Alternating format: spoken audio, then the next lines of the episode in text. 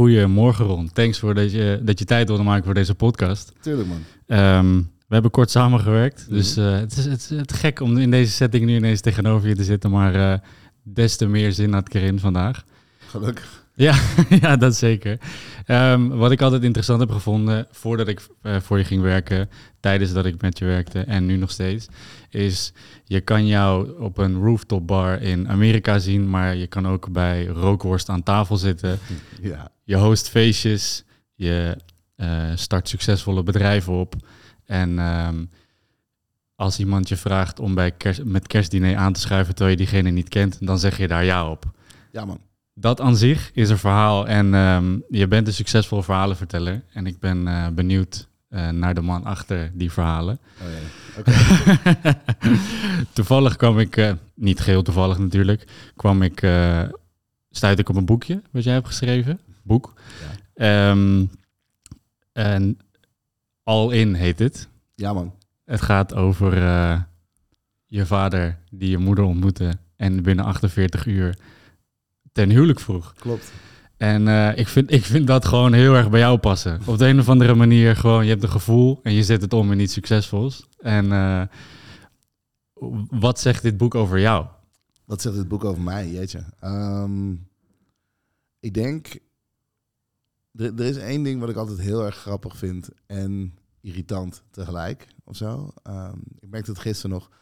Als iemand iets vraagt, vaak uit het verleden of gewoon een, een redelijk normale vraag, dan komt er altijd een verhaal uit, niet een antwoord. Dus altijd van, oh, hoe zit dit eigenlijk? Oh ja, grappig verhaal. Dat is X, Y, Z, zeg maar zo. En ehm, ik denk dat het komt omdat alles vanaf heel vroeg in mijn leven ook een verhaal bleek te zijn en niet een antwoord. En het verhaal van mijn ouders, toevallig vorige week zijn ze 48 jaar getrouwd. Ehm, met zo'n opstartverhaal, weet je, ze ontmoeten elkaar en 48 uur later, ehm, ja, vraagt hij het huwelijk. Dat is gewoon, wie doet dat nou? En ik vind het gewoon mooi en ik heb daar gesprekken over met mijn pa en ook met mijn moeder. Ehm, en ik vind het gewoon grappig dat zo, heel veel mensen hebben een verhaal die, ze, die hun definieert. Gewoon het ding wat iedereen weet. Weet je wel? En uh, ik dacht altijd bij mezelf, waarom heb je er niet honderd? Waarom heb je er niet duizend? Ik bedoel? Mm -hmm. Waarom is alles niet een goed verhaal in plaats van een antwoord? En op een gegeven moment merk je van, ja oké, okay, maar sommige dagen waren gewoon normaal. Of sommige dagen waren gewoon een beetje, weet ik veel. En saai wil ik ze niet noemen, maar ja, yeah, just regular. Um, en vanaf dat moment dacht ik, ja, maar je kunt, je hebt, je hebt zelf de kracht om elk, elke dag, elk moment, elk project, elk ding dat je doet, hoe simpel het ook is, kun je een verhaal maken. Je kunt alles naar het niveau tillen dat het spraakmakend is. En, uh, en dat ging doen en dat kwam eigenlijk onder andere doordat een van de eerste verhalen die ik kende was natuurlijk het verhaal van mijn ouders. Ja, en als je het dan over hebt, um, want ik heb, ik heb zelfs vanmorgen nog even dat stukje opnieuw gelezen. Mm. Uh, dat uh, je moeder op een gegeven moment zou vertrekken uit. Ja. en dat je vader dacht van, uh, ik ga er gewoon ten huwelijk vragen op het vliegveld. Um, hij, hij omschreef verliefdheid, in ieder geval zoals dat dan in het boek staat. Um, en niet als uh, vlinders, maar als, als donderschokken die door je hele lichaam heen gieren. Ja. Ik had het toevallig, de vorige podcast met Richard Bros, had ik het over verliefd zijn op de projecten die je aangaat. Mm -hmm. En um, wat is dat in, in jou? Want dat is in ieder geval wat je uitstraalt. Mm. Is dat je op een soort van, uh, misschien gebruik ik het verkeerde woord hoor, maar verliefdheid door het leven gaat. Met ja, al die projecten die je aangaat. Dat is het perfecte woord. Ik vind dat um, als je ergens nog niet verliefd op bent, dan kun je dat aanpassen totdat het wel zo is. Als je ergens nog niet enthousiast over bent, dan kun je dat aanpassen totdat het wel zo is. En uh, dat heeft gewoon heel veel te maken met, met nee zeggen in de kleinste vorm. Zoveel mensen denken dat nee zeggen uh, een final decision is of zo. Maar ik vind nee zeggen um, een signaal zo van mijn lichaam dat zegt: hé, hey, er moet hier meer in zitten. Er kan hier meer in zitten. Je kunt hier veel meer mee doen. En ongeacht wat het is, of je nou weet ik veel, gaat eten, iets simpels als eten, wat je 21 keer in de week doet kun je bijzonder maken. Je kunt het net leuker maken. Je kunt, of, zelfs al ben je alleen, als je alleen thuis bent, dan kun je heel saai een, uh, in elkaar slaan en uh, terug eten op de bank. Of je zet je lievelingsmuziekje op, je gaat koken wat je echt lekker vindt. En weet je, het is allebei eten.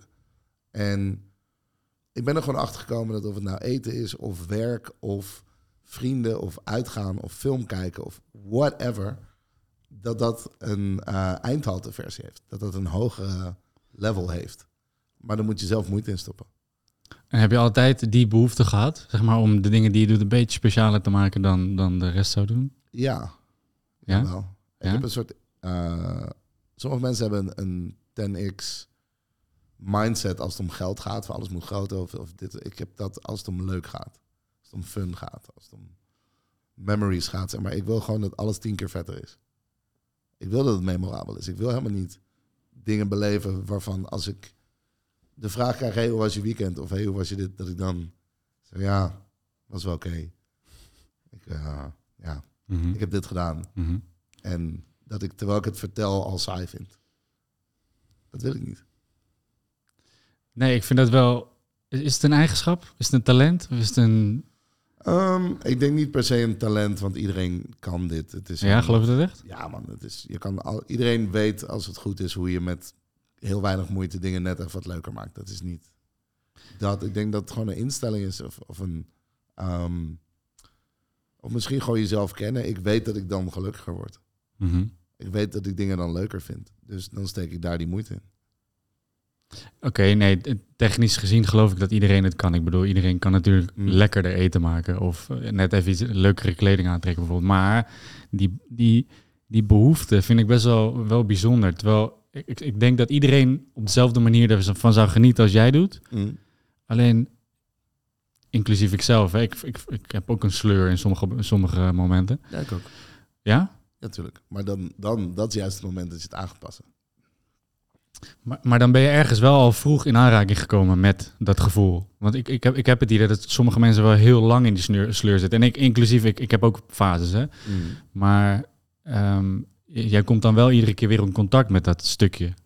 Bij ja, ja, ik ben er gewoon vrij vroeg achter gekomen uh, hoe belangrijk het is om jezelf te kennen. Dus hoe belangrijk het is om te weten wat in ieder geval jij leuk vindt. Of lekker vindt, of belangrijk vindt, of wat dan ook. Zeg maar. dat, dat, dat is gewoon waar het begint. En ehm, ik denk niet dat je leuke kleren moet aantrekken per se om, voor andere mensen. Dat is een leuk bijeffect, weet je wel. Dat mensen zeggen, hey, eh, complimenten of het effect dat je op je omgeving hebt. Tuurlijk is dat waar. Alleen ik vind dat je... Ik zou mezelf leuker kleden omdat ik het leuk vind. Omdat dat de outfit is die bij mij past, bij mijn karakter past, bij mijn uh, visie past, bij mijn imago van hoe ik mezelf zie. En hetzelfde met eten. Ik bedoel, iedereen kan lekkerder eten maken. Ja, maar lekkerder is zo persoonlijk. Mhm. Dat is voor jou. Jij moet ervan genieten. En misschien is het niet eens lekkerder, is je guilty pleasures dan pizza met knoflooksaus. Who cares? Maar het is, het, dat moment is voor jou. En ik denk dat dat het grootste verschil is. Ik denk dat heel veel mensen vaak zoeken naar hoe kan ik het interessanter maken voor de buitenwereld. Maar bij mij begint het vaak bij hoe kan ik het interessanter maken voor mezelf. Alle kleine dingetjes. Waarom koop je net een iets? Koop je een mooiere bank? Of koop je een bank die compleet voldoet aan hoe jij film kijkt? Of thuis hangt? Dat ik bedoel? Mm Dat simpele voorbeeld, dat kun je overal op toepassen. Dus doe ik dit voor de buitenwereld of omdat het cool is of whatever. Dat heeft ook waarde. Ehm, of doe ik dit omdat het echt is waar, waar ik gelukkig van word, wat ik ga gebruiken, wat ik echt zou willen als je me de vraag zou stellen. Ehm, ja, meer dat. Interessant. Want je, je zegt van, ik, ik, wist al vroeg, uh, wie, of ik kende mezelf al goed, vroeg. Mhm. Uh, zijn er ook dingen waarvan je, of um, momenten waarop je denkt van, oh, daar kende ik me nog niet, ken ik mezelf nog niet zo goed? Natuurlijk, ik heb zoveel dingen gedaan, ik ben zoveel mensen geweest mhm. die ik niet terug herken. Dat ik echt denk, wat was ik hier aan het doen? Echt, waarom? Um, maar eigenlijk is de rode draad daarvan dat ik bezig was met anderen. En niet zozeer met mezelf. Dat ik altijd dacht van, oh ja, ik, moet dit doen, want dan vinden mensen me cool. Of dan mag ik hierbij horen. Of dan word ik zo en zo gezien. Dat heb ik best wel, best wel lang gedaan. En dat, het is niet per se, het is geen slecht leven of zo. Hè? Dat is heel raar, want Mensen beogen dat als succesvol of je kunt het plaatje schetsen dat je wil. Als je in bed ligt aan het einde van de dag, dan denk je, ja, ben ik dat nou echt? Heb ik allemaal coole dingen gedaan die andere mensen cool vinden? Of heb ik dingen gedaan waar ik gelukkig van word? En dat, dat stukje, dat moet je wel leren of zo. En bij mij duurde dat wel even voordat ik dat door had, omdat je je komt wel in een positieve vibe terecht. Mensen zeggen, oh wat goed, oh wat vet, oh wat dit, oh wat dat. En dat doet iets voor je. Je krijgt dopamine daarvan. Het is leuk. Alleen is het profound genoeg? Gaat het diep genoeg bij jou? Word je echt gelukkig daarvan? Nee. Ehm, en dan op een gegeven moment kom je in, in die moedjes. Weet van, oh ja, ik ga dit nu doen. Ja, vind je, die, vind je de opening van die toko wel leuk? Ja, nee, maar ik moet daar even gezien worden of zo. Dat soort shit. Um, dat wordt steeds minder en minder en minder. En dat wordt, wordt overgenomen door, oké, wat wil ik nou echt doen vandaag? Dat je iets kan, wil niet zeggen dat je het moet doen. En dat geldt voor talent, maar dat geldt dus ook voor opportuniteiten en dingen die je kan doen. Je hoeft niet naar elke opening, je hoeft niet naar elke uh, whatever, tenzij je dat leuk vindt. Kijk, ik ben een hele nieuwsgierige guy, dus ik, ik ga graag naar verschillende dingen. Je vindt mij inderdaad in de kunstwereld, in de muziekwereld, in de ondernemerswereld, in nightlife, in whatever. Maar dat komt omdat ik dat echt leuk vind en oprecht interessant.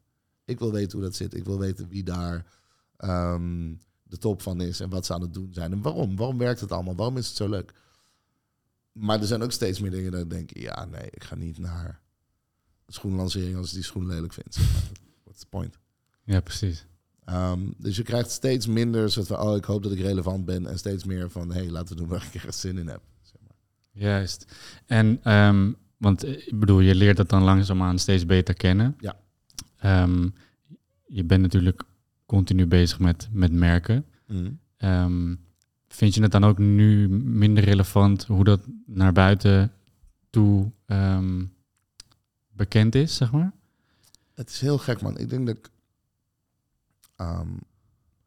ik denk dat ik de laatste tijd nog vettere dingen heb gedaan dan wat iedereen weet. En vroeger postte ik alles, weet je wel. Mm van, oh, ik ben hier, ik doe dit. Ik ben, uh. En ja, ik had lol, maar ik vond dat dus ook deels belangrijk als, als imagovorming of zo. Ehm, en nu doe ik nog steeds heel veel van dat soort dingen, maar ik denk dat ik drie kwart niet post. Dat vind ik gewoon niet meer relevant. Ik, ah ja, oké, cool. Hoe, hoe, belangrijk is het om mij te zien eten ergens? Mhm. Niet, weet je wel? Dus ja. dan ga ik er gewoon van genieten, vind ik het all good. En, uh, en klaar. En het is ook niet zo het is niet altijd zo. Sommige mensen zeggen altijd, ja, ik heb het zo leuk gehad, ik heb geen foto's gemaakt. Ja, Die, die, dagen heb ik ook. Maar ik heb ook dagen dat ik het zo leuk vond dat ik wel foto's heb gemaakt. Maar daarna ervoor kiezen om het niet meer te delen. Dat is van mij en, en de mensen om me heen. En, uh, en dat vind ik gewoon cool. Dus ik, ik heb steeds minder soort bewijsdrang of zo. En steeds meer comfort op de plek uh, waar ik ben en wie ik ben. Dat moet een fijne plek om, uh, om op te zijn, toch? Ja, nou ja, het is altijd groei, maar het, ja. is, het is het it's not a bad level to play. Ja. Klinkt comfortabel. Ben, ben heb je dan nog steeds ook uh, bepaalde prikkels waarvan je, die, waarvan je genoeg aangaat? Oh, elke dag. Ja, comfort gaat samen met nou, comfort, het, het, ik ben met jezelf comfortabel met mezelf. Ja, dat precies. Ja. En voor de rest niet. Ik ben nog steeds hele uitdagende dingen aan het doen. Ik, doe, ik, klim op zendmasten. Ik uh, ja. weet ik veel. Ik kom maar met een uitdaging en ik ben erbij. Um, ik ben ook redelijk risiconemend. Ik vind het niet. Uh, ik ben niet bang om nieuwe ideeën of nieuwe bedrijven groot te doen en dat proberen echt, echt op te pakken. Die, ja, soms lukt dat en, en soms lukt dat ook niet. Weet je, en dat is. That's fine. Alleen die prikkel heb ik wel nodig vernieuwing, creatie, um, briljantheid. En dat gaat niet per se over mij, maar gewoon jezelf in een situatie stoppen, omringd door de juiste vragen en uitdagingen en mensen en talenten, dat er ineens iets ontstaat en denk, oh, ik ben zo blij dat ik hierbij was. Dat ik dit mocht zien. En of je nou bijdraagt of niet, alsnog, either way. Mm ik hang ook best wel veel muziekstudio's, omdat vrienden van mij zijn ja, een paar van de topmuzikanten van, uh, van Nederland. Ehm, en als je dat mag, als je aanwezig kan zijn, als je dat mag aanschouwen, zeg maar, hoe iemand die het beste is in iets, zijn of haar werk doet, dat is magie. Ja, dat is echt magie. Dat is echt magie. Gewoon, hoe, hoe krijg je dit voor elkaar? Hoe verzin je dit? Hoe kun je zo acteren? Of hoe kun je zo produceren? Of hoe kun je zo zingen? Of hoe kun je zo schrijven? Of hoe kun je, hoe kun je zo goed beeld maken? Weet je wel, dat vind ik gewoon te gek. Ja, dat, dat kan ik me voorstellen. Ja. Maar mensen hebben dat ook bij jou, hè? Dat, Ja. dat realiseer je wel, toch? Ja, Ja. En, en dat vind ik ook leuk. Ik denk dat. ehm, ik denk dat dat soort mensen meer tot elkaar aangetrokken worden ehm, in een interesse manier, zeg maar. Omdat het gewoon. Ik vergelijk het altijd met muziek. Ehm, elk genre muziek heeft een goede plaat. Terwijl ik niet elk genre muziek vet vind. Echt niet. Mhm. Ehm, je maakt mij niet heel gelukkig met, weet ik veel, speedcore of hard, of wat dan ook, of whatever. Maar ik weet wel dat dat een wereld is waar mensen zijn die het tof vinden en mensen zijn die het schijnbaar het allerbest kunnen. En als je een gesprek aangaat met zo iemand en die uitlegt waarom, wa- ah, wat hij doet, waarom die nou zo goed is, of waarom die het nou zo leuk vindt, ehm, dan leer ik daar wel echt heel veel van. En dat vind ik gewoon tof. Ook dingen die ik niet begrijp, weet je dat, dat vind ik juist het mooist. Maar mij niet uit of je de werelds beste schaakspeler bent of hardcore producer. Ehm, je bent de beste in iets, dus je, je snapt iets als geen ander. Je ontwikkelt je talent als geen ander. Je kunt je uiten als geen ander. Tell me. En voor mij, voor mijn gevoel ben ik dat op creativiteit voor een heleboel mensen. Ehm, want dat merk ik, de vragen die ze stellen en dingen die ze willen weten. En dat vind ik heel tof om, om die positie te hebben, omdat dat mijn skill is. Omdat dat inderdaad is, dat is nou mijn talent. Dat is mijn unfuckwittable stukje wereld. That's mine. En hoe dichter je bij je eigen genius blijft, ik denk dat we allemaal een of ander talent hebben gekregen. En als je op tijd erachter komt wat dat is en je ontwikkelt dat, ja, dan wordt het interessant om naar te kijken. People love watching fire burn. Ja, wat is dat verschil tussen de, de, de kijker en de maker dan? Is, is dat, is, kunnen die mensen hetzelfde zijn, denk je? Waarom niet? Ik weet je hoe vaak ik een kijker ben, terwijl ik eigenlijk een maker ben? Ik geniet toch ook van muziek en van films en van weet ik wat. Ik kan ze ook bedenken. Het maakt niet uit. Alleen ik ben juist heel blij met mijn rol als consument. Dat is mijn favoriete ding. Iedereen denkt altijd, ja nee, ik moet de coole guy zijn die het maakt. Die... Nee man. Weet je hoe leuk het is dat je kunt genieten van je favoriete serie? Dat je dat kunt kijken of je lievelingsboek leest of zo. Ja, maar je kijkt het wel vanuit een ander perspectief, toch? Nee, ik kijk het eerst als consument man. Ja? Ja, ik wil gewoon entertain me. Ja, oké, ja, fair, En ja. daarna ga ik de lagen opzoeken. Want dat is Mhm. wie ik ben. Ja, Ik heb genoeg mensen die dat niet doen. Er zijn ook heel veel mensen die muziek luisteren en alleen naar de muziek luisteren. En niet naar de, naar de teksten bijvoorbeeld. Of Mhm. andersom. ja. Ehm, ik ben iemand die, ik luister eerst zoals ik het gewoon hoor te horen. Mhm. En de tweede keer ga ik de muziek checken. En de derde keer check de lyrics. En de vierde keer check het verhaal achter wie is het eigenlijk. En dat is pure interesse. Maar in essentie wil ik eerst... Ik wil juist heel graag de kijker zijn. Heel graag de, de consument. Entertain me. Doe dan. ja, nou ja, gelukkig doe je dat inderdaad ook voor een heleboel anderen om jou heen. Want als eh, de naam Ron Simpson valt, dan gebeurt er iets. Ja, Ja. good or bad. Ja. Ik heb het een tijdje geleden, ik, ik weet niet of je het kan herinneren, eh, toen hebben we, hebben we wat gedronken. Voor de, en daarna gingen we, moesten we iets, eh, moest je iets geven aan eh, Guillaume. Oh ja. En eh, toen hebben we heel wat gedronken. En ik herinner mij een uitspraak van jou, maar ik weet niet meer of ik hem zelf heb bedacht dat jij dat Ja, zei. Of dat jij het echt gezegd hebt, maar dingen laten lukken. Is dat een, eh, is dat een, een zin die, eh, die, eh, die bekend bij is? Of, Dingen laten lukken, ja.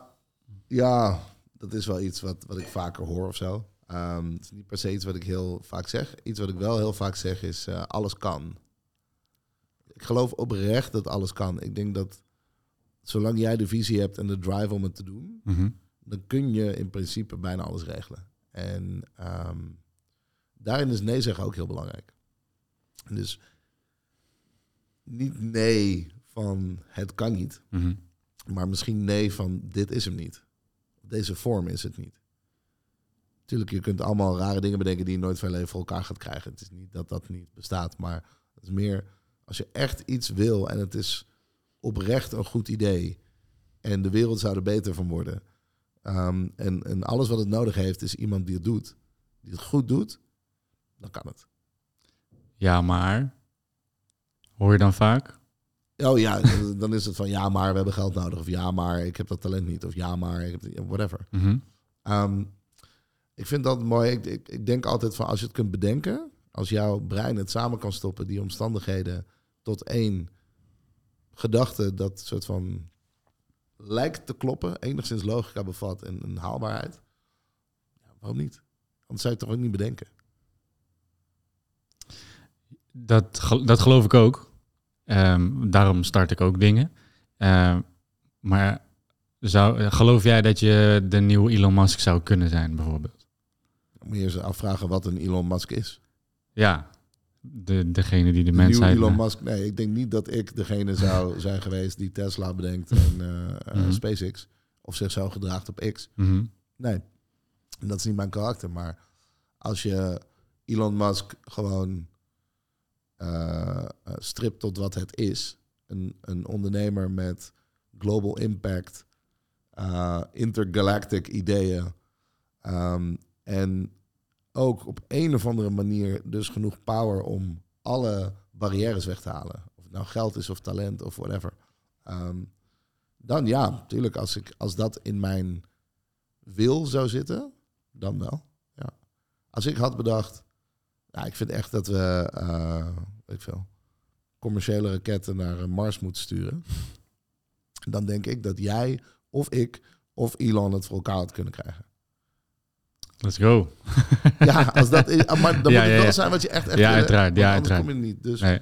ehm, in zijn geval is het iets wat hij echt echt wil. Mhm. Ehm, en hij start vanuit een andere financiële positie. Maar ook, het is niet alsof Elon Musk alles betaalt van zijn eigen geld. Sterker Nee. nog, totaal niet. Nee. Dus ehm, zo'n deal, zo'n constructie, hadden wij ook kunnen bedenken. Je moet gewoon mensen overtuigen dat het belangrijk is om een raket te sturen naar Mars. Ja. Of een auto. in Ja. geval. Ja. Ja, maar toch dat speelse, eh, het, het speels omgaan met het leven. De- Zo, zo komt het een beetje over. En dat, dat hoop ik ook voor, eh, dat gun ik ook een heleboel anderen. Mhm. Ehm, en, en toch heb ik het idee dat dat, is het, of is het de maatschappij of ligt het gewoon aan mij kringen? Dat kan ook, hè. Dat, dat bij mij om, om mij heen gewoon minder gebeurt. Is, eh, ik weet niet of je Peter Diamandis kent. Nee. Ja, het is, eh, hij is bekend van eh, Tony Robbins. Ja. Moonshot Mindset. Ehm, hij heeft nu een fund opgericht van eh, 101 miljoen, geloof ik. Mhm. En dan kun je een idee insturen ehm, om reverse aging mogelijk te maken. Dus gewoon mensen in leven te houden. Hij zegt, Ja. z- doodgaan is een ziekte en die ziekte kan opgelost worden. Ja, dat is waar. Ja, en, maar hij heeft het dus over moonshot mindsets. En hij heeft ook eh, Singularity University. En dat is dus een universiteit, dat wat hij samen met Elon ook doet, geloof ik. Ehm, waarin hij natuurlijk technisch ding, allerlei dingen qua business en dat, dat soort dingen gaat, gaat leren aan de entrepreneurs, de, de ondernemers. Maar ook die mindset nog meer verbreden. Mhm. En eh, want het, het lijkt niet natuurlijk te komen, zeg maar, in deze maatschappij. Nee, sterker nog, kijk, de maatschappij in general is niet gemaakt voor ehm, individuen. Het is, Oh. gewoon, het is niet gemaakt voor een individu. Het is gemaakt voor iedereen. En dus een Elon Musk, er, er is een reden waarom hij vaak, en, en mensen zoals hij vaak als voorbeeld worden gesteld. Omdat hij anders is dan de rest. Maar als we de maatschappelijke regels zouden aanpassen eh, om de Elon Musk ter wereld te keten, dat werkt niet. Want dat stort de wereld in. Ja. Dus alle regels, alles wat normaal is, alles wat whatever, dat gaat vooral over echte getallen. Massa's aan mensen moeten binnen die wetten, binnen die spelregels kunnen bestaan. En Elon Musk is de anomaly. Is wat er gebeurt als dat niet nodig is. Snap ik bedoel? Mhm. Ehm, en zo zijn er nog duizend andere ondernemers trouwens. Het is echt niet alleen Elon Musk Nee. of zo. Maar dat maakt het zo interessant. En ik denk dat heel veel regels en spelregels en wetten en systemen en whatever op de wereld zijn gemaakt. Zodat 98, 99 procent van de wereld zich daar goed bij voelt, bij gedijt. Dat het, dat het werkt voor ze. En ik denk dat die andere 1 procent zo gefrustreerd is dat ze briljant worden. Je moet non-stop als een soort defense attorney moet je gewoon door loophole springen om te zorgen dat het toch kan wat jij bedenkt. Dat is leuk. Ja, dat, dat is het spelletje uiteindelijk. Uiteindelijk is dat ja. het spel. Ja.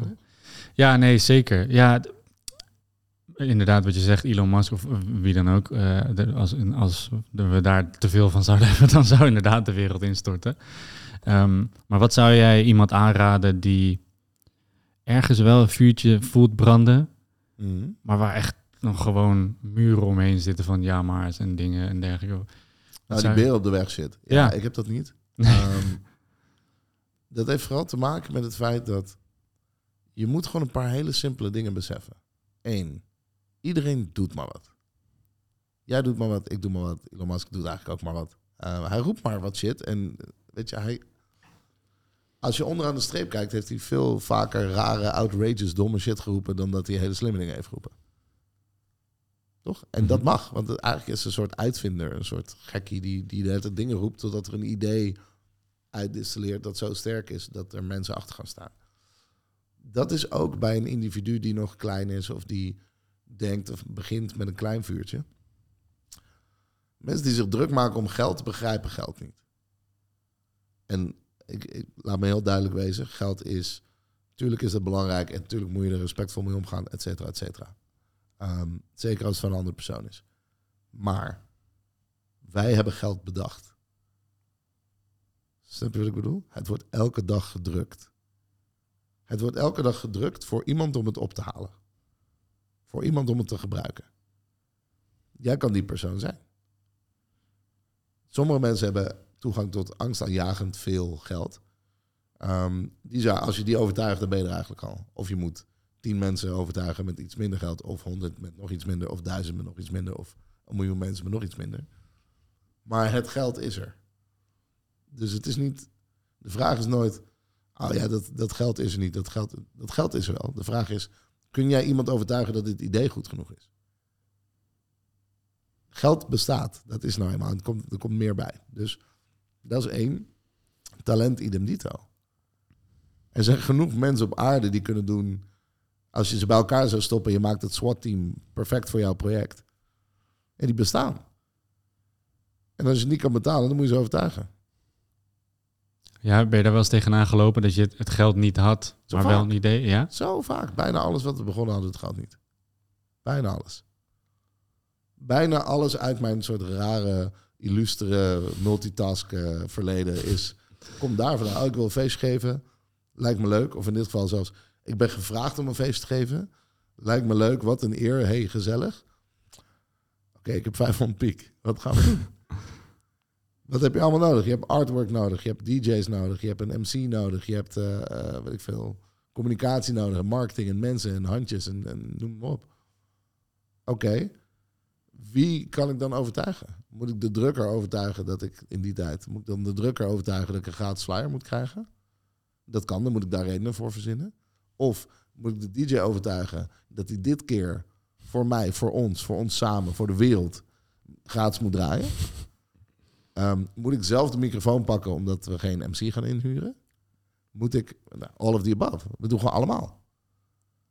En sommige werken wel, sommige werken niet. En uiteindelijk kwamen we uit op eh, net iets onder de 500 piek, gaf mijn eerste feestje. Na het eerste feestje was er inkomen. Dus voor het tweede feestje hadden we 1500 euro. Voor het derde feestje hadden we 3000 euro. Zeg. Dus het gaat uiteindelijk om energie. Gaat iemand met je, gelooft iemand jou, gunt iemand jou, vindt hij je visie leuk, um, vindt hij jouw bepaling van waarde, deelt hij die mening?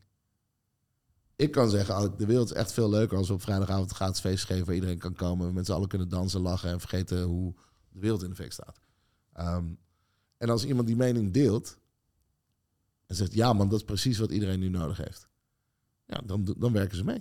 En als iemand zegt, ja, ik weet niet waar je het over hebt, maar ik ben al gelukkig en er is niks aan de hand. Dan niet. Maar dan heb je de verkeerde persoon. En die persoon zul je nooit kunnen overtuigen, dus dan moet je naar de volgende.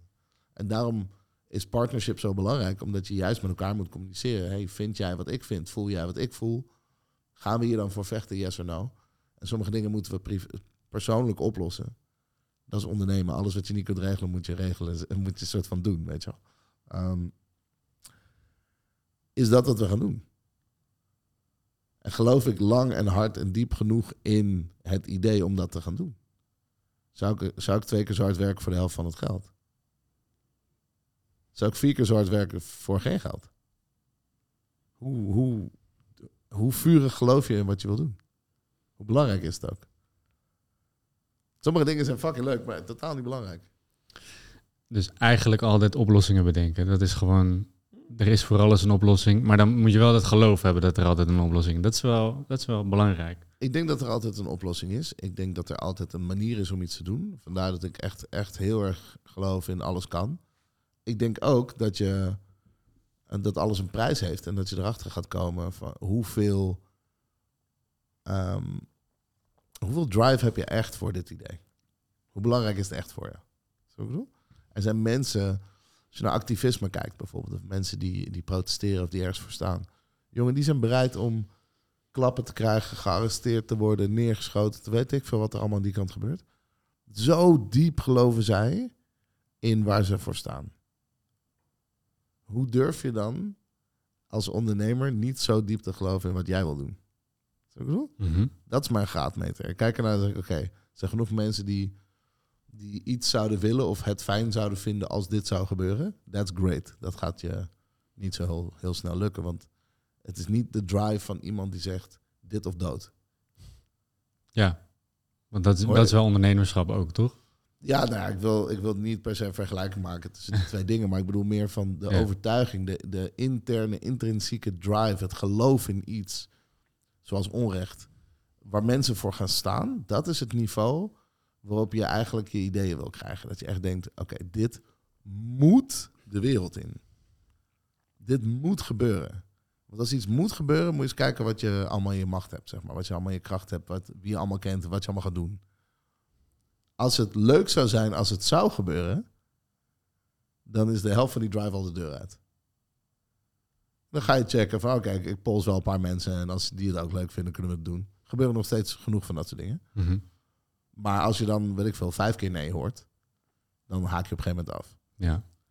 Uh, maar als je echt ergens voor staat, kun je duizend keer nee horen. Dan ga je toch door.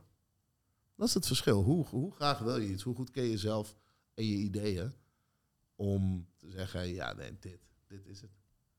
En, he- en als dat niet zo is, is dat ook oké. want ik heb ook genoeg dingen gehad waar ik niet voor dood zou gaan. Ehm, maar dat is dan de, de step-up. Dat is een beetje de, de school, de lessen die je gaat leren. Van, je moet sowieso projecten doen. Niet, je eerste wordt toch nooit zoiets. Alleen, ik denk dat als je dan weer teruggrijpt naar de Elon Musks van de wereld... dan kom je op do-or-die ideeën. Ja. Toch? Ja, zeker. Dingen met zoveel impact dat je er gewoon echt in gelooft. Of dingen met zoveel onrecht. Of dingen met zoveel ehm, visie. Dat je denkt, ja, dit moet. Het is geen vraag of het moet, maar wanneer kan het? Juist. Ja, en ik kan me voorstellen dat dat ook juist weer bijdraagt aan de- gewoon zeg maar dat, dat do or die. Dat dat, ehm, ja, hoe zeg je dat? De, die, die dying necessity, zeg maar. Dat dat gewoon, nee, ik kom even niet op het juiste woord. Ehm, hoe, hoe jij dit alles doet, Mhm. doe je ook met een bepaalde flair, vind ik. Als ik mag zeggen. Ja, mag zitten. Is dat. eh, kun je dat leren? Eh, ja, maar het gaat, vooral voor, het gaat er vooral over of je dat belangrijk vindt. Ja. Vind je het belangrijk? Nou, het maakt mij gelukkig. Ja? Dus, kijk, er is een heleboel boring business in de world. Hè? Ja. En dat is helemaal oké. Boring business klinkt als een... Was ze redden? Ja, maar het klinkt als iets negatiefs, maar Oh. dat, dat bedoel ik helemaal niet. Nee. Het is gewoon simpele business dat geen flair nodig heeft, Ja. dat geen aandacht nodig heeft. Een wasseretten, een car wash, een ehm, weet ik veel, iets dat gewoon een geautomatiseerd stuk Ja. SaaS is waar niemand het ooit over heeft, waar je niet eens op een verjaardag over wil praten. Zeg maar. ja. kan nog steeds miljoenen opleveren. En ik denk dat dat het overgrote deel van de wereld is. Noodzakelijke oplossingen om, weet je, voor anderen om verder te komen. Ehm, maar daar word ik niet gelukkig van. Je zou mij nu eh, eh, een gigantisch salaris kunnen aanbieden om, om zoiets te runnen of Mhm. te starten. Mhm. Ik zou het niet doen. Ik zou Nee. het echt niet doen. Nee, als ik denk aan een wasserette, dan als jij dat zou doen, dan zou ik uh, voor me stellen dat je de straat afhuurt. Uh, volgens mij hebben we het al een keer eerder gedaan voor Milo ook. Uh, gewoon een hele grote was. was ja. Niet vrij. Ja. Die gasten zijn briljant. Um, ja, want dan krijg je dat. Ja. dat. Dat is gewoon puur karakter. Ja. Dus ik denk dat als je vijf ondernemers in een kamer stopt en je zegt, oké, we gaan een uh, wasserette doen of een car wash. Mm -hmm. um, dan zegt de een, oh ja, top, ik weet precies uh, welke wijken of locaties die dingen nodig hebben. En de Mhm. ander zegt, oh, ik weet precies hoe ik het moet schalen. Mhm. En de derde zegt, um, oh ja, laten we eerst even de, de hele markt analyseren en uh, whatever. En de vierde zegt, ja, is wassen nog steeds de toekomst? En de vijfde, dat ben ik, die zegt, doen we. Maar dan met muziek en discolampen en bubbelbaden en uh, whatever. Um, en dat zijn gewoon verschillende mensen.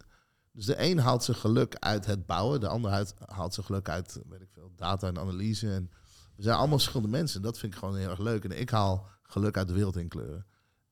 Ik wil dat de wasret een verhaal wordt. Ik wil dat de boring business, de saaiste shit die jij kunt bedenken, kunnen we nog steeds cool maken. Mm -hmm. Spraakmakend, deelbaar. Dat als iemand het hoort, dat ze lachen. Dat ze gelukkig worden. Dat lukt wel, volgens mij. Ja, nou, daar hebben we ook een formule voor. Dus dat is, uh, is wel, wel, grappig hoe dat werkt. Dat is, uiteindelijk is alles te kwantificeren. Zeg maar. Ook het ongrijpbare. Ja, want dat vind ik wel het lastige met bijvoorbeeld, uh, nou ja, inspiratie. Daar denk je natuurlijk ook veel over na. Maar ook met creativiteit. Uh, ik luister veel naar Rick Rubin als het aankomt op Yo, creativiteit. Ook, Toch? Rick, Rick, is the goat. Ja, dat is een soort van muziekgod, als, uh, als het wat mij betreft. Voorbij muziek. Ja, hè? ja, ja, mee eens eigenlijk. En um, hij heeft het, naar mijn idee, geflikt om... Um, want hij heeft het zo vaak opnieuw gedaan. Verschillende genres, verschillende uh, vakgebieden. Ja. Um, en wat, wat ik daar interessant aan vind, is dat creativiteit is iets ongrijpbaars. Maar hij heeft het toch weten te kaderen en te weten kopiëren. Creativiteit is ten eerste niet iets ongrijpbaars. Niet? Ongrijpbaars voor 90% van de wereld die het niet heeft. Oh, er zijn dus mensen die het niet hebben. Zeker weten. Ja? Of in ieder geval denken dat ze het niet hebben. Oké. Okay. Creativiteit is niks anders dan iets, uh, een oplossing of een manier of een vorm verzinnen die nog niet is gedaan. That's it. Ja, want dat hoor ik inderdaad vaak bij jou, uh, uh, bij jou terugkomen is van... Oké, okay, cool, we willen een leuk idee bedenken. Uh, deze hoek. Wat is er nog nooit gedaan in die hoek? Als ja, dat, dat, toch? dat is dan de, de, de uitrol daarvan. Maar als je gewoon echt naar creativiteit kijkt, ja. wat is het nou? Het is creatie. Mm -hmm. Dus dat betekent, je maakt iets mm -hmm. wat nog niet is gedaan. Soms maak je iets wat al wel is gedaan en dan zeggen we dat is niet creatief, is gekopieerd. Ja, ja. That's it. Iedereen kan dat. Mm -hmm. Jij kan dat nu ook. Um, Frank, Street Art Frankie, die leerde me altijd... je kunt letterlijk met, met twee vingers ergens naar wijzen. Ja. Tegelijkertijd. Mm -hmm. En dan of een briljant of een heel slecht idee hebben. Maar je combineert dingen. Dus hier staat een pizza skateboard. Uh, Shout-out naar Flowerboy. Hm. Er staat een... Een uh, fles drank. Ja. Kun je die twee dingen combineren? Mhm. Mm -hmm. Nou is dat eigenlijk best wel een slecht voorbeeld, want een pizza en een skateboard is al, al, is al het voorbeeld. Ja. Dus je ziet een skateboard, je ziet een pizza.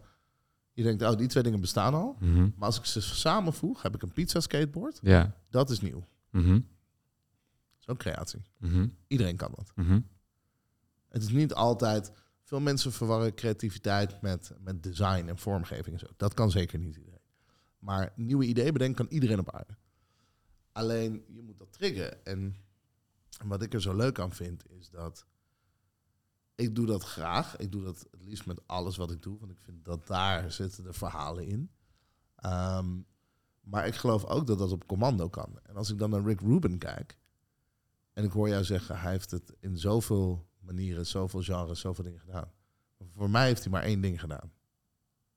En dat is? Het is gewoon wat hij doet. Dus Ja. de creatieve aanpak. Mhm. Of het nou reduceren of produceren is. Mhm. Hij doet maar één ding. Mhm. En Maken. dat ene ding heeft hij op 60 manieren gedaan. 100 manieren gedaan. Maar ik zie hem niet 60 kunstjes flikken. Ik zie hem de beste zijn in één truc. Ja. In één talent. Snap je? ja, ja, En zeker. daar zit een, een stukje verschil voor mij in. Van, ik vind het niet raar dat hij van rock naar rap, naar country, naar weet ik veel wat kan springen. Want hij heeft gewoon, hij begrijpt zo goed wat hij doet. Dat het in principe op alles zou moeten werken. Ook op muziekgenres die nog niet uit zijn. Ja, nee, daar ben ik wel met je eens, ja. En toevallig, ik ben echt, ik vind hem waanzinnig. Ik zag gisteren weer een interview met hem. En dat ging over diary entries. Ehm, en dat vond ik heel cool. En dat ging erom, uh, als artiest, als, als iemand die iets maakt, of als creator, laat me het zo zeggen.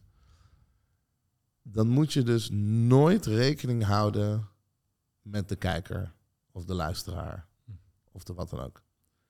Sterker nog, hij zegt, hij zegt altijd: The audience comes last. Die mag als laatste mening hebben.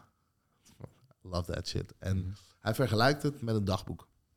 En hij zegt: Als ik muziek maak, of als jij een schilderij maakt, of als ik een concept bedenk, of als weet ik veel wat we aan het doen zijn, um, dat moet je zien alsof je in je dagboek schrijft. En wie mag er nou in godsnaam een mening hebben over wat jij in jouw dagboek schrijft? Niemand. Niemand kan zeggen, oh dat is saai. Oh, dat nee, het is jouw dagboek, je schrijft het voor jezelf. Hij zegt, als je op die manier muziek maakt, dus compleet vrij van alle invloed van, oh als ik dit doe, dan is het commercieel slimmer, of deze sound is nu hot, of dat is kopieergedrag, is geen creatie. Dat is veiligheid. De hele tijd meer water bij de wijn doen. Hij zegt, je moet wijn maken, niet water. Ehm, en dat vind ik gewoon heel tof. En eh, zo kijk ik er ook naar. Ik zie mezelf ook bijna vergelijkbaar met hoe een kunstenaar of een artiest of een wat dan ook. Je maakt dingen. Dus maak het voor jezelf.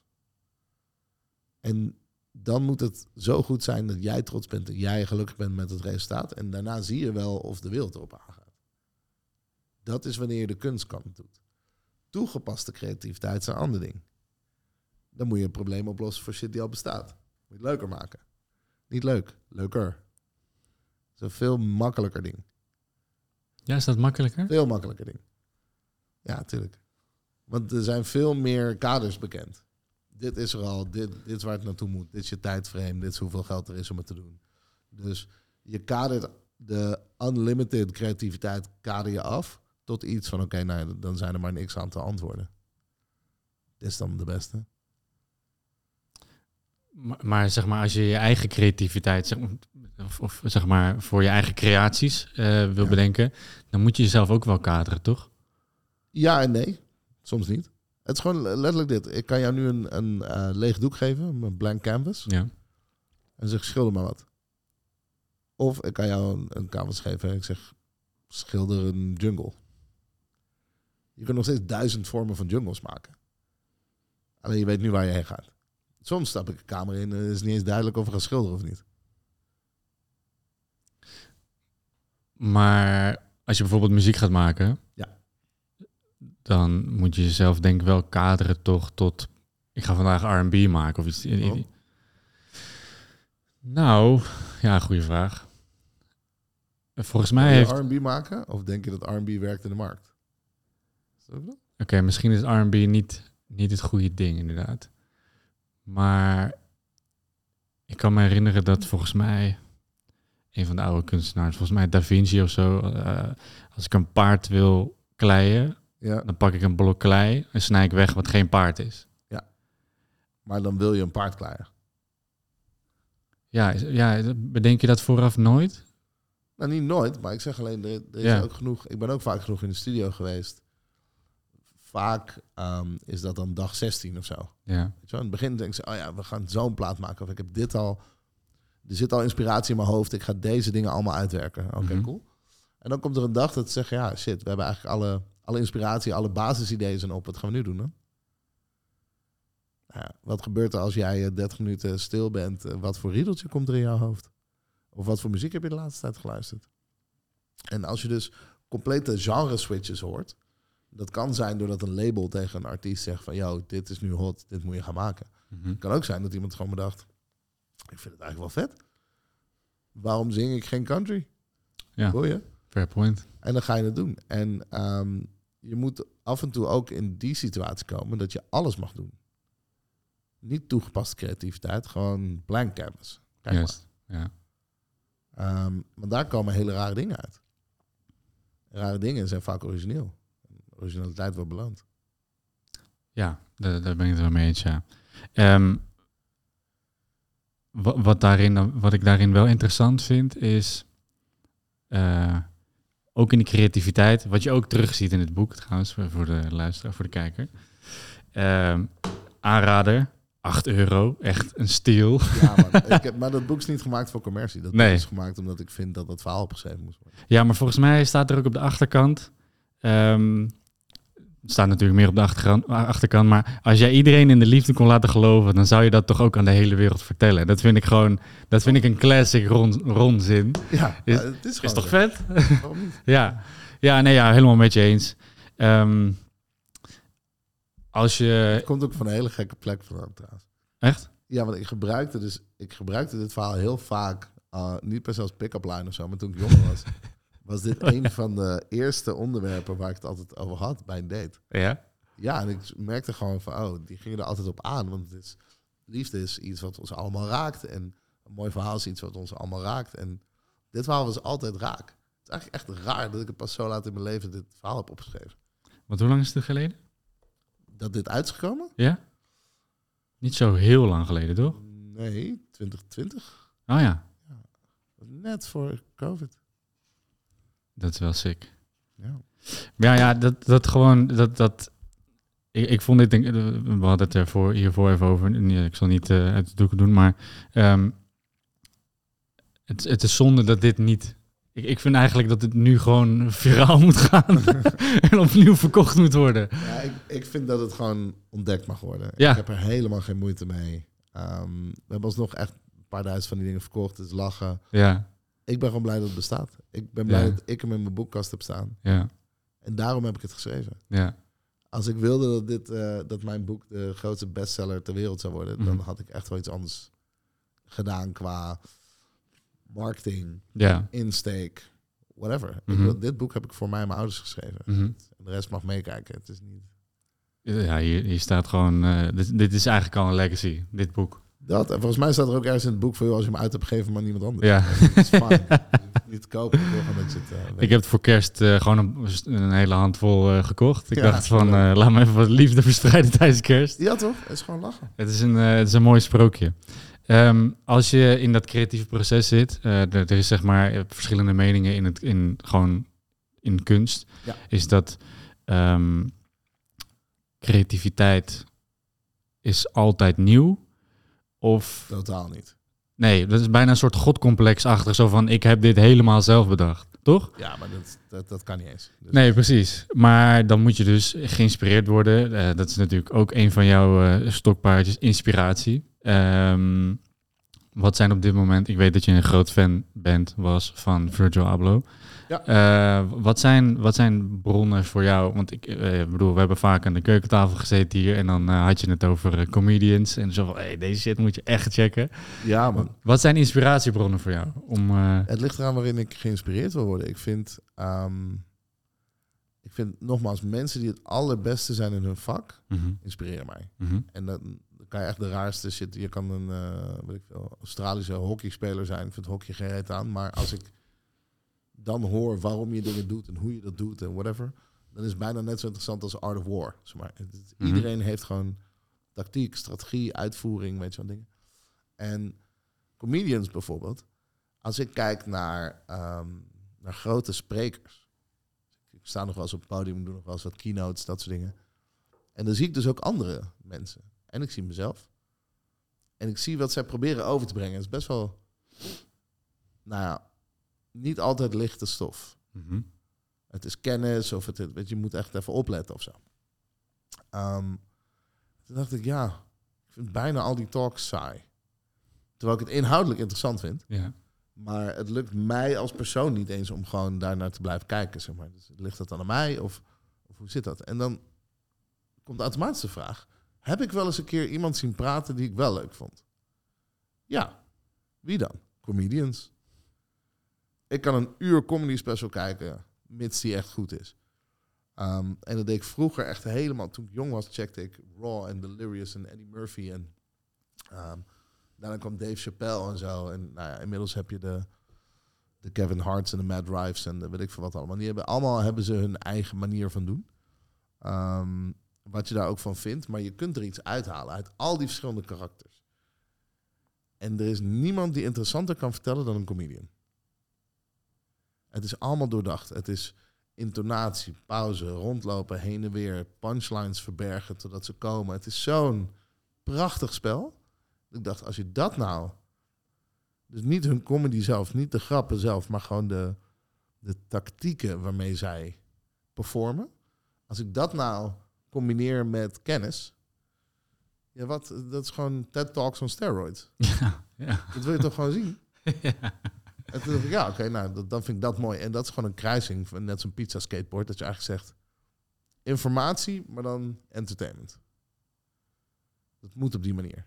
Oké, nou, dat ga ik dan doen en dat inspireert mij. En ik vind ehm, Virgil Abloh, wat mij vooral aan hem inspireerde, is, was gewoon de, de, de, de mindset en de communicatie. En vooral de persoon die hij was. Dus het maakte mij niet zo heel veel uit of hij Off-White heeft gebouwd of dat hij, veel, uh, creative director was. Ik was echt onder de indruk van de dingen die hij zei. Vooral de dingen die hij deed. Hij, hij deed bijna elke dag een, een, samenwerking met een onbekend persoon uit een land waar je waarschijnlijk heel weinig van had gehoord. Of een dorp of een stad of whatever. En ja, dat was ook veel Afrika, maar het was ook veel Azië, het was Amerika. Het was... Ik dacht bij mezelf, waarom? Waarom moet iemand die al zo hoog, zoveel heeft bereikt, Richard and God, weet je wel, niks aan de hand. Waarom ben je dit aan het doen? En daardoor ging ik, ik heb meer interviews van hem gecheckt dan zijn werk. En daarom denk ik ook toen hij overleed dat er zoveel liefde was. Dat hij zo'n legacy heeft achter kunnen laten om, om de persoon die hij was. Niet per se om de designs. En toen dacht ik, wauw, het is, je kunt op dat niveau Hoeveel mensen ken ik die op dat niveau zo'n mens zijn? Zo'n waanzinnig goed persoon? En niet. Maar dat siert je als een malle. Dus daar kan ik wat van leren. Ik wil mezelf niet vergelijken qua niveau als hem, maar wel van oké, ik ga nu ook nadenken over hoeveel deuren kan ik openzetten voor de volgende persoon. Je kent mij een beetje, je hebt hier rondgelopen, je weet dat hier non-stop talenten rondrennen en dat er heel veel tijd voor vrij wordt gemaakt. Ja. Um, dat komt daardoor. En denk ja, ik vind dat wel echt, echt impressive. Ja, dat is zeker impressive. Dat het uh, niet maar alleen maar een run voor jezelf is, in het geval van Virgil. Mm -hmm. uh, maar dat je mensen... Iemand zei ooit een keer, als je, hoe hoog je ook in de boom klimt, je moet altijd één hand vrij houden voor de ander, zeg maar. Om ja. de ander... Bijvoorbeeld. Ja, het, het zat me in hele kleine dingen. Ik weet nog dat... Uh, ik sprak een paar jongens van Daily Paper. En die hadden projecten met, met hem. Um, en ik zag de communicatie tussen die twee. Het is gewoon de, de, de, de simpele sms'jes, zeg maar. En de manier waarop hij sprak. En het feit, dat vond ik nog het mooist, dat hij altijd degene was die begon. Hij checkte in op hun. Totaal niet nodig. Maar hey, hoe is het met je oprecht geïnteresseerd? Uh, lange, relatief lange gesprekken korte antwoorden, maar lange gesprekken. Weet je, ging gewoon Ja. uh, heen en weer geping. Ja. Dan merk je gewoon, hey, iemand neemt dit serieus. Ja. Iemand neemt mij serieus. En als dat komt van iemand waarvan je het niet verwacht, dan is de waarde x10. Ja. ja. Dat is gewoon, als je toch al de moeite neemt om met iemand te praten, nee, doe het dan serieus. Ja. Maar dat bedoel, ik weet niet wanneer die eh, inspiratie bij jou erin is geslopen vanuit die hoek. Maar dat doe je ook al best wel lang. Ja, alleen ik wist nooit waarom ik het deed. Ik, dat was gewoon een gevoel. Ik vond het gewoon belangrijk om dat te doen en info te delen en mensen te helpen. En dat komt denk ik omdat ik ook altijd ben geholpen. Ja? Ja, ja, 100%. En niet omdat ik geen talent had of zo. Ik, dat ging, ik had het allemaal wel, maar je moet het leren harnassen. Je moet het leren vormen en, en goed in kunnen zetten. En sommige mensen leren dat van hun ouders of op school of weet ik veel wat. Studie. Ehm, maar de dingen die ik wilde doen, daar waren, daar wisten mijn ouders niks vanaf en eh studies ook niet echt. Dus dan kom je gauw bij niet eens per se mentorrollen, maar gewoon voorbeeldrollen van hey, deze persoon denkt gewoon anders. Kun je mij de, waarom leer, waarom doe je dit? Leer mij dit. En dat kan. En ik ben echt door mensen in de muziekindustrie ben ik heel erg geholpen. En ik ben door mensen in de kunst omarmd, die me ineens alles gingen uitleggen van hoe het nou echt werkt. Ehm, en nogmaals, er zijn gewoon mensen die, die waanzinnig goed zijn in wat ze doen. Boren Akkersdijk vind ik zo'n persoon. Ik heb geen idee wat hij nou precies allemaal doet elke dag. Maar hij, hij is een. ehm, hij heeft een stoffen. Hij is een stoffenfabrikant en, en designer uit de mode. Eh bij Borre heet het. Het is waanzinnig. Dus er komt, dan denk je echt, ik sta in een UFO. Ja. Zo futuristic allemaal aan het vet. En ze printen of weven of maken of whatever stoffen ehm, zoals ik die nog nooit had gezien. Met eh, patronen en materialen en kleuren en vormen die ik nog nooit had gezien. En dat doet hij voor de grootste merken op aarde. Ehm, maar hij denkt soort van tien jaar vooruit. Als ik een gesprek heb met hem, dan gaat het echt over 2034. En hoe de wereld er dan uitziet. Altijd. Altijd toekomst, altijd vet shit, altijd whatever. Maar daar heeft hij ook een idee bij dus. Ja, nou, niet alleen een idee. Ik denk dat hij eh, bijdraagt aan hoe de wereld eruit ziet over tien Oké. Ehm, en dat vind ik gewoon heel leuk. En ik, ik, ik vind dat inspirerend. Ik vind het leuk, wetende dat als ik met hem ga eten, dan kom ik nooit met een normaal gesprek thuis. Dan gaat het niet over hoe gaat het met je, hoe, hoe is je werk, ga je nog op vakantie. No one cares. Het, we duiken meteen in, weet je wel, is eh déjà vu hetzelfde als de vertraging van het licht in de sterren als je die ziet. Shit. Dat soort shit. en dat vind ik gewoon leuk. En, ehm, en dat inspireert me ook. Dus het, het zijn vooral mensen die ook gewoon met een compleet andere bril naar de wereld kijken. Ehm, hij heeft aan de ene kant gewoon real life. Dus dat is producten maken en zorgen dat die steeds beter worden en duurzamer en whatever. En tegelijkertijd de toekomst bepalen. En toekomst is bij mij wel echt een, eh, een rode draad. Mensen die het daarover hebben, daar ben ik altijd wel bij. Trendwatchers, mensen die tech ontwikkelen, disrupten, innovatieve dingen doen. ehm, verduurzamen. ehm, ondernemen met missies van 20 jaar. Dat soort dingen, daar ben ik echt bij. Dat is sowieso denk ik wel belangrijk met ondernemen, toch? Lange termijnsvisie. Echt van... hoor. nee? Nou ja, als je een langetermijnvisie hebt. Ja? Maar ik, ik vind ondernemen kan ook zijn, ik zie een deal die eh, duurt drie maanden. Als ik A, B en C doe, boom, Ja. ben ik eruit. vind ik ook goed. Oké. Bedoel? Het is, het is een soort van, de een eh, onderneemt echt als levenswerk. Ja. En die heeft echt een visie of een idee of een bedrijf dat forever zou kunnen voortbestaan. Iemand Ja. anders heeft gewoon een flashbang idee van ja, als we dit doen. Ja, misschien duurt het een maand, twee maanden, zes maanden, twaalf maanden en een maand. Iemand anders denkt, nee, ik wil een legacy bouwen waar mijn, eh, de kinderen van mijn kinderen gaan werken. Ja, precies. Ja, dan, en dan komt fun weer into the equation, zeg maar. Dat is uiteindelijk gewoon een van de belangrijkste dingen in wat je doet, toch? Nou ja, nee, uiteindelijk wat levert iets op? Ja. Toch? Dus fun is, is te gek. En fun is voor mij heel erg belangrijk als we het hebben over lange termijn. Als je wil dat ik iets volhoud, moet ik het vet vinden, moet het impact maken, moet ik Ja. er, weet je, al die dingen. Mhm. Ehm, kom naar mij toe met een project van hey, we gaan binnen twaalf maanden eh, dit doen. Of sterker nog, binnen drie maanden dit doen. Mhm. Ja, er zijn- vervallen heel veel voorwaarden. Ik kan best een voor mijn doen saaie klus doen van drie maanden. Mhm. Als, ik daar, als dat genoeg oplevert, zodat ik daarna weer 24 maanden leuke dingen kan doen. Juist.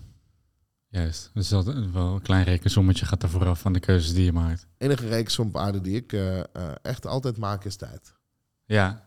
Ja, je hebt ook zo'n driehoek, toch? Ik heb ook een driehoek, ja. De driehoek van Ron. De cool cash care, ja. Nou ja, uiteindelijk, tijd is gewoon iets ongrijpbaars. Wat ik nog steeds, ik kijk er elke dag naar en denk, holy shit. Ehm, je weet gewoon niet hoeveel je hebt. Geld Ja. kun je tellen. Maar tijd weet je gewoon niemand. Het kan morgen over zijn, het kan nu over zijn. Het, het, het kan ook nog honderd jaar duren, who knows. Ehm, Vind je dat beangstigend? Nee, ik vind het eh, motiverend. Oké. Vind het heel erg motiverend. Ik vind begin ook steeds beter te begrijpen die hele memento mori's en al die dingen die, die al forever de wereld in worden geroepen. Ik denk dat iedereen die op een gegeven moment wijs genoeg is, begrijpt dat het Mhm. tijd is. En Ja. niks anders. Juist. Ehm, dus dat vind ik wel tof en daar, daar probeer ik ook naar te kijken. Ik denk dat. eh tuurlijk, het is belangrijk om geld te verdienen. Het is belangrijk om een investering proberen om te zetten in, in ROI. I totally get it. Alleen, at the end of the day, we hebben geld gedrukt. Als het morgen weg is, wat is dan belangrijk? Tijd. En met wie? van wie houdt. That's it. Yes. Het is cliché eh, zoals maar kan, maar dat heeft een reden, want het is waar. Ja. Ja. Figure out the value of time and act accordingly. That's it. Lukt dat nu? Steeds beter. Ja? Ehm, ook belangrijk, hè? Niet, niet alles hoeft in één keer goed. Ik denk dat je, als je kijkt naar compounding je doet 1% per dag, dan, dan ben je echt al een stuk lekkerder bezig. En ik probeer gewoon steeds beter met mijn tijd om te gaan. Steeds dichter bij waar mijn geluk zit. Of bij wat ik vind dat impact heeft. Of dat soort dingen. Ik wil gewoon dat, dat ik terugkijk en geen spijt heb over hoe ik mijn tijd heb ingedeeld. Niet per se over wat ik heb gedaan met wie of whatever, maar het is, het is echt van, oké, als ik ervoor koos om niet bij de mensen te zijn van wie ik hou, of niet iets te doen waarvan ik weet dat ik het leuk vind, wat heb ik dan gedaan? Was dat belangrijk? Heb ik bijgedragen? Is het van waarde geweest? Of had ik langer moeten nadenken? Mooi. Ja. Als jij in de advisory board zou zitten van Podcast Nederland, wat zou je dan eraan veranderen nu het een wat gesatureerde eh, markt wordt? Ehm, ja, dat vind ik een ingewikkelde vraag. Meer omdat ehm, podcast is voor mij een beetje van, van kennis naar entertainment gaan. Mhm. De grootste, de meeste soort van podcasts die ik voorbij zie komen in mijn timeline, dat is allemaal entertainment. Gewoon mensen die slap houden en eh, Ja. en dat heeft een functie. Ik bedoel, dat deden we eerst met tv of radio of whatever. Dus als het daar werkte, dan is er behoefte in die markt. En dat werkt nu dus in een andere mediavorm en dat begrijp ik. Wat ik vooral zou doen, is kijken naar waar kunnen we het allemaal voor inzetten wat nog niet wordt gedaan. Wat voor onzin should have been een podcast? Je kent eh, de, de term wel, this eh, meeting should have been an email. Ja. Ja, misschien zijn er ook dingen die we op, op die manier hadden moeten doen, zeg maar, waar, waarmee ehm, audio de oplossing is. Oké. Ehm, maar denk je ook dat het korter zou moeten, de podcast? Nee, ja, ik ben zelf geen goudvis. Ik vind dit dus, dit is precies wat, denk ik, Rick Rubin bedoelde met diary entries. Ja. Ehm, ik heb echt, ik vind het vreselijk om aan te moeten passen aan soort spelregels waar ik het niet mee eens ben. Mhm. Dus we doen nu ook heel veel content en zeggen ze, ja, maar Gen Z moet in de eerste drie seconden dit en Ja. anders en het moet allemaal kort en snel. Nee man, ik maak niet dit verhaal voor een persoon uit Gen Z die toevallig minder geduld heeft of, Ja. of whatever.